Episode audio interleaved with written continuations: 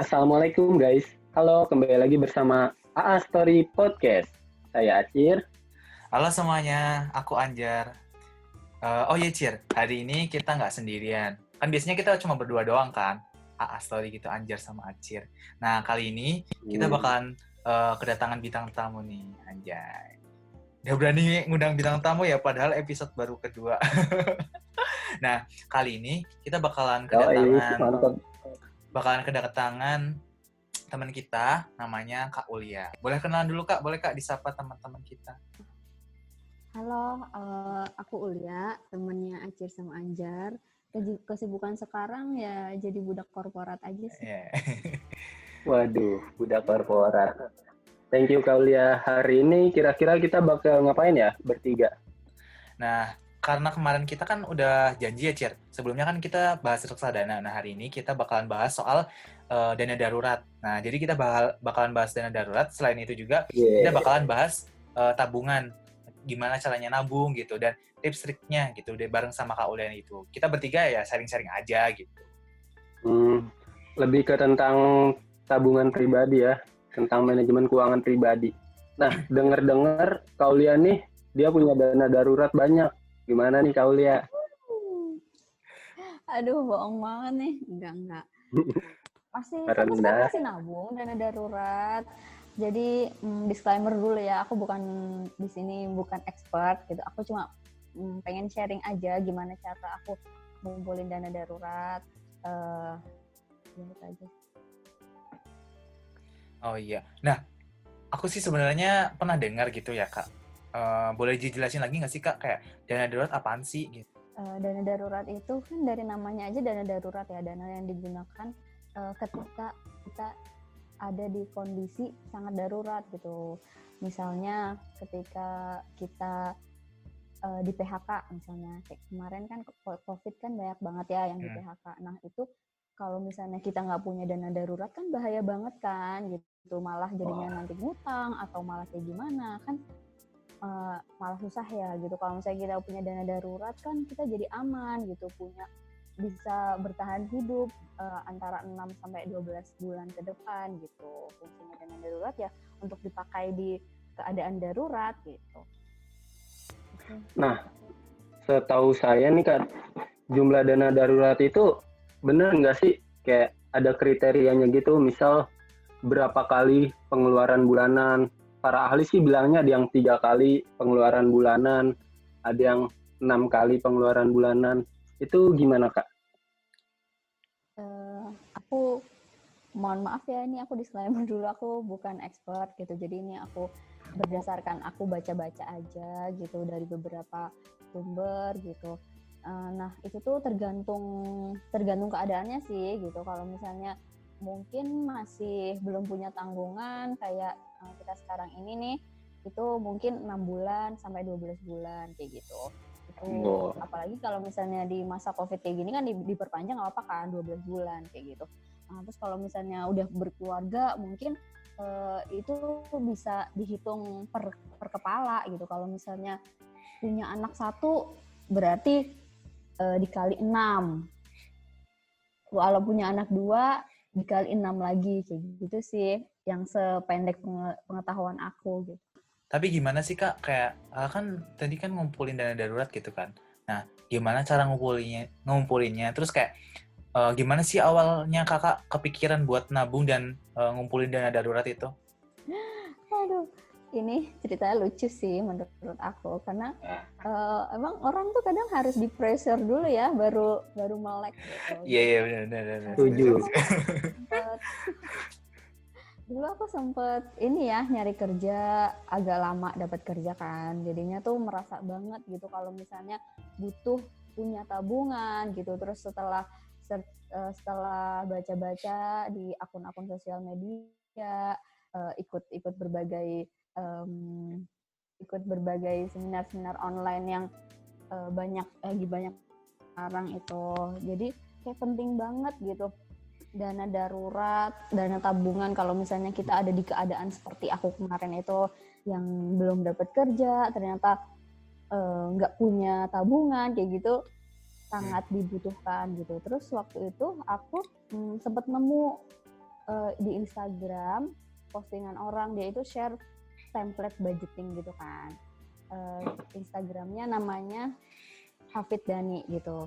Dia share template budgeting yang menurut aku itu tuh um, lengkap banget gitu. Ada target budget di bulan itu, uh, habis itu current aset, current apa namanya rekening-rekening di banknya kayak gitu tuh dapat kerja aku baru tuh mulai uh, nyatet pengeluaran aku. Nah tujuannya apa? Supaya kita tahu berapa sih cash flow kita, berapa expense kita gitu. Nah itu menurut aku penting banget sih uh, ngetrack pencatatan keuangan kita gitu minimal tiga bulan. Karena kan kita jadi tahu kan berapa pengeluaran kita. Kita harus bisa bedain nih uh, ini benar-benar yang kita butuhin atau yang kita inginkan aja gitu. Nah menurut aku sebelum melangkah ke dana darurat itu harus banget di, ada pencatatan gitu. Minimal tiga bulan deh sebelumnya. Jadi kita tahu cash flow kita berapa. Jadi nanti kita bisa me, e, melihat kita butuhnya berapa dana darurat yang harus kita kumpulkan gitu kan terus setelah itu baru deh mulai mengumpulkan dana daruratnya setelah tahu jumlah nominalnya uh, gitu kak berarti kalau ngomongin dana darurat bisa kita simpulin tadi kan bergantung tanggungan. Berarti dana darurat itu semakin gede nilainya semakin bagus kan ya kak? Nah kalau perihal tabungan kayak melakukan pencatatan mana yang dibutuhin dan mana yang diinginin. Tapi kak ngomongin kebutuhan dan keinginan nih, kok Kaulia bisa sih nggak konsumtif gitu kak? Mungkin bisa sharing ke kita gitu.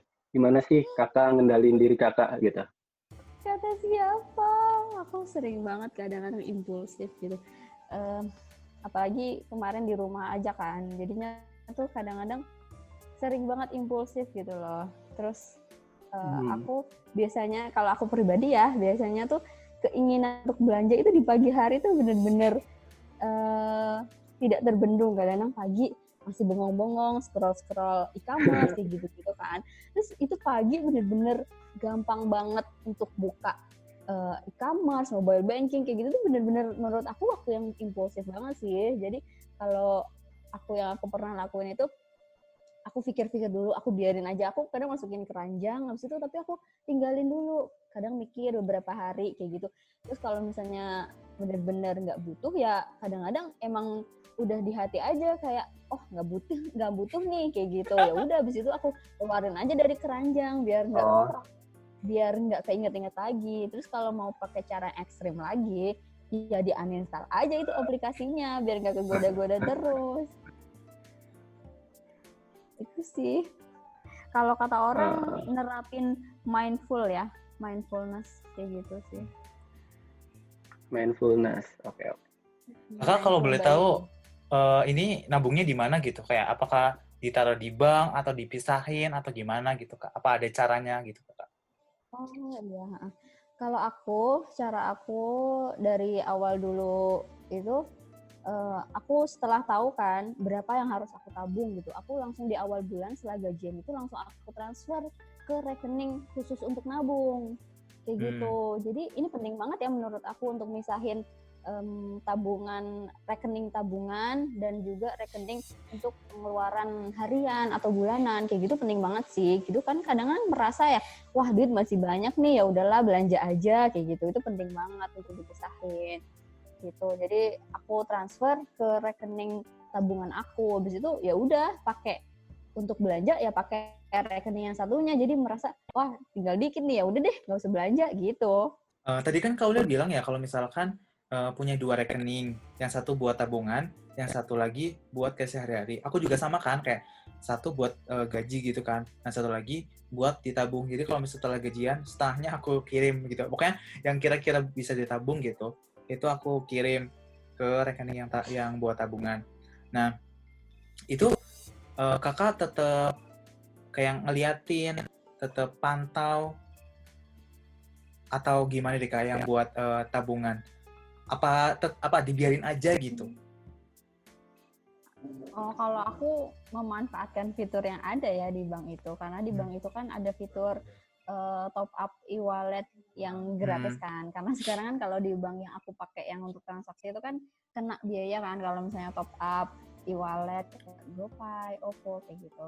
Nah, kalau di bank yang untuk aku nabung ini dia free tran- free biaya transaksinya gitu. Jadi aku Hmm. manfaatin. Jadi ada sebagian yang aku transfer ke bank untuk nabung itu, tapi di situ kan ada fitur yang bisa dipisah-pisahkan uangnya. Hmm.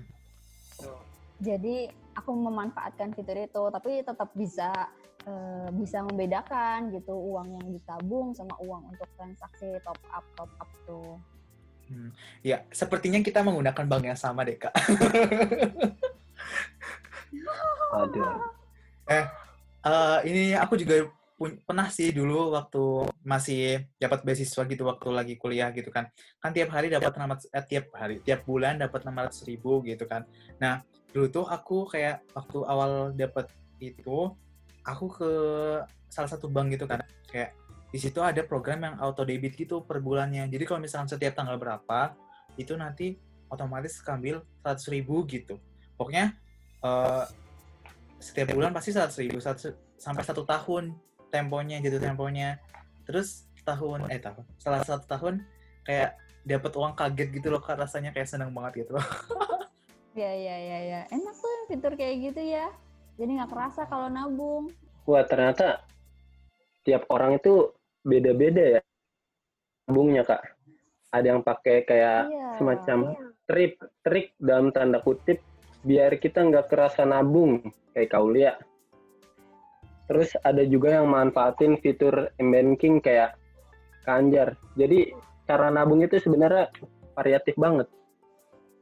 Gitu ya kak? Heeh, terus aku sempat aku sempat nemu di Instagram tuh eh di Twitter nemunya. Itu ada yang share, eh, ada yang cerita tipsnya dia nabung gitu. Jadi dia bikin pencatatan gitu, bikin dari botol, cuma botol biasa kayak gitu kan, botol bekas. Nah itu dia ditempelin tuh.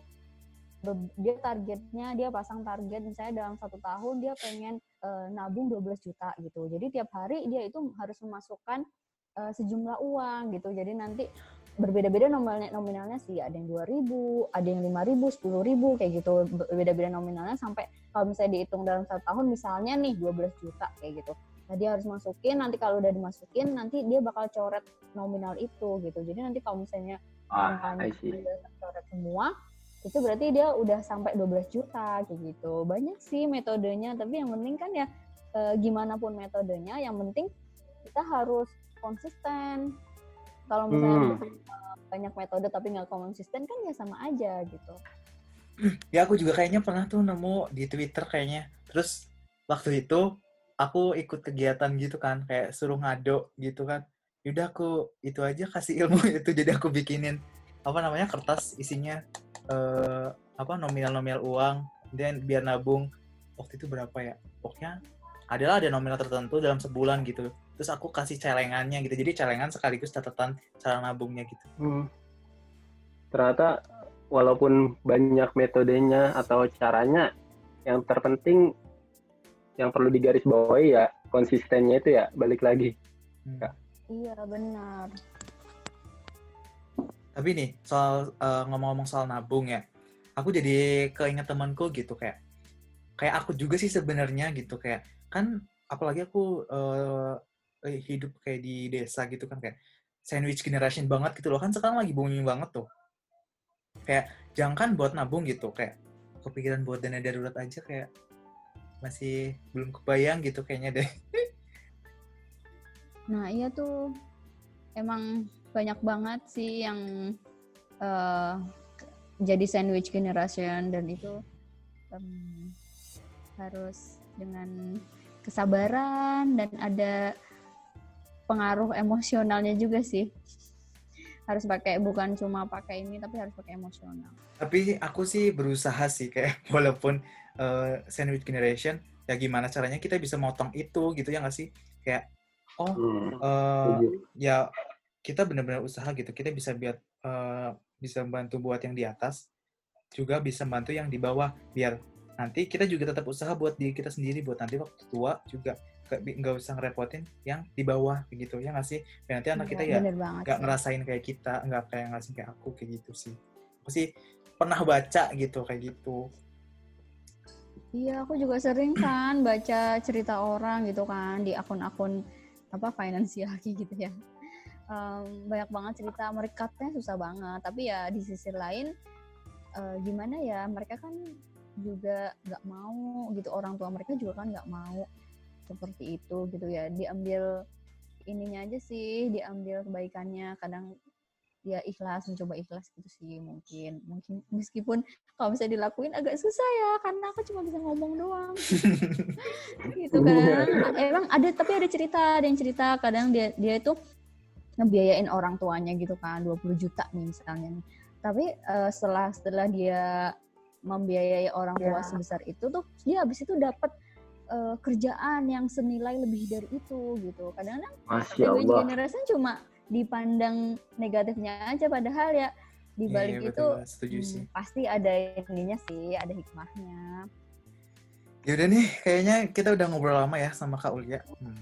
Boleh lah Kak, eh, besok, besok, besok gitu. Kita cerita-cerita lagi, bahas-bahas kayak gini lagi.